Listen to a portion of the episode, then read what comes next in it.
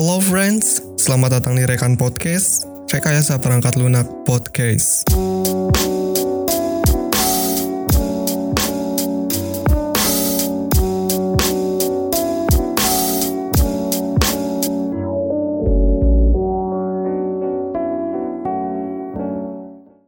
Oke, okay, 3, 2, 1, close the door. udah, udah, udah, bercanda mulu. Uh, pokoknya, uh, Assalamualaikum, halo rekan semua. Kembali lagi sama gue Faujan, yang penuh kerinduan ini. Enggak, enggak, uh, maksud gue gini. Udah beberapa bulan kemarin kan rekan podcast belum update episode nih. Jadi, ya terus terang gue kangen nih sama kalian semua ya syukur juga gitu ya kalau ada yang kangen balik gitu. Oke, okay, uh, gue juga sekalian meminta maaf kalau kemarin-kemarin rekan podcast jadi jarang update episode. Uh, Sebenarnya kalau cerita sedikit, kemarin itu kita lebih ke evaluasi buat pengembangan ke depannya. Ya mungkin nanti juga ada beberapa format sama teknis baru. Yang ya contohnya kan sekarang logo baru nih. uh, Pokoknya thanks lot banget lah buat kalian semua yang setia dengerin rekan podcast ini sampai sekarang. Dan semoga gue harap kalian juga bisa nemenin rekan podcast ini sampai terus berkembang nantinya. Amin ya rabbal alamin. Oh iya, uh, sebenarnya ini agak telat sih, tapi nggak apa-apa. Gue pengen ngucapin selamat buat rekan semua yang kemarin lolos SBMPTN di Prodi RPL ini.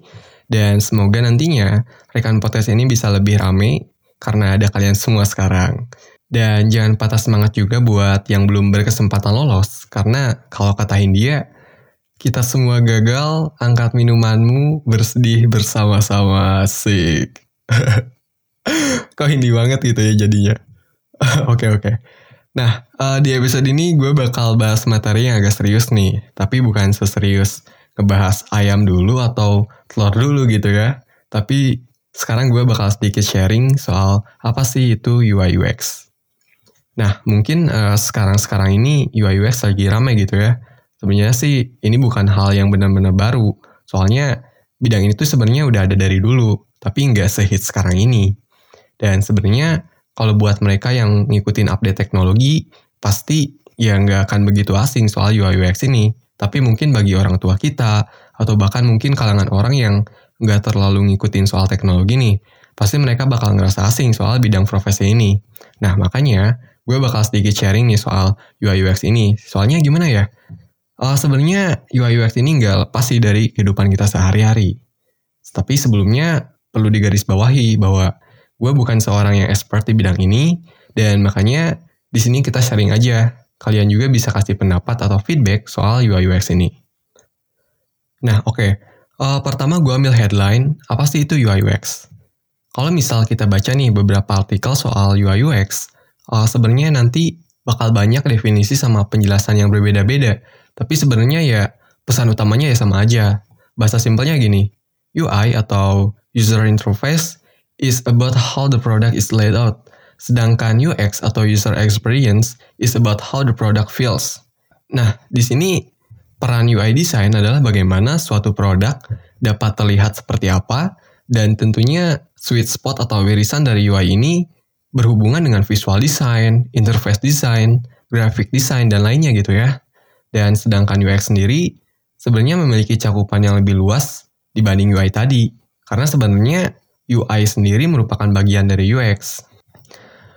Peran dari UX ini uh, bagi gue sangat penting karena di dalamnya kita belajar gitu ya bagaimana membangun suatu produk yang gak bikin user atau pengguna merasa kebingungan atau bahkan salah gitu ya saat menggunakannya.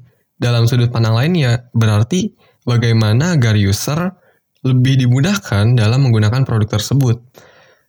Tentunya dari perannya tadi, sweet spot dari UX ini sangat luas gitu ya dan banyak. Karena di dalamnya kita itu bukan hanya sekedar uh, dapat memudahkan user, tapi kita juga dapat berdampak bagus terhadap bisnis dan menjadi solusi dari sisi teknologinya gitu ya. Mungkin sekilas kita memahami bahwa UI dan UX ini merupakan satu hal yang sama gitu. Tapi sebenarnya faktanya itu UI dan UX itu berbeda. Namun keduanya saling berhubungan dan tidak bisa saling dipisahkan gitu ya satu sama lain. Karena UX tanpa UI mungkin hanya akan menjadi sebuah arsitektur produk aja yang tidak bisa digunakan. Dan begitu juga dengan UI tanpa UX, mungkin hanya akan menjadi sebuah desain antar muka yang hanya akan membingungkan penggunanya gitu ya. Nah, mungkin uh, analoginya seperti ini. Ketika kita pergi ke sebuah showroom untuk membeli sebuah mobil misalnya, tiba-tiba kita melihat dan langsung tertarik uh, terhadap satu mobil karena desain, warna, serta fitur yang ada di mobil tersebut bisa dibilang itu indah menurut kita gitu ya. Kemudian kita berusaha untuk mencobanya dan ternyata mobil tersebut begitu nyaman dan aman ketika kita kendarai. Nah, Hal ini tuh merupakan bagian dari perpaduan UX dan UI tadi, karena dari segi visual dan fungsional yang diberikan produk tersebut memenuhi kaidah UI UX.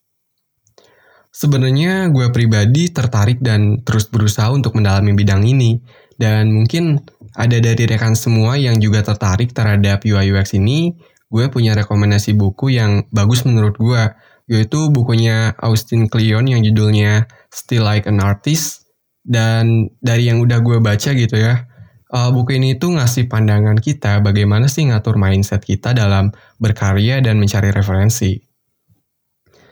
Nah, uh, mungkin segitu dulu yang bisa gue sampaikan dan mungkin untuk pembahasan lebih dalamnya nanti kita akan bahas tentang UI lebih dalam lagi, UX lebih dalam lagi tentang HCI dan mungkin wah pokoknya tentang hal-hal yang lebih dalam lagi pokoknya yang lebih mendalami kok mendalami? Uh, pokoknya sampai di sini dulu. Semoga dari apa yang gue sampaikan tadi bisa bermanfaat untuk kalian.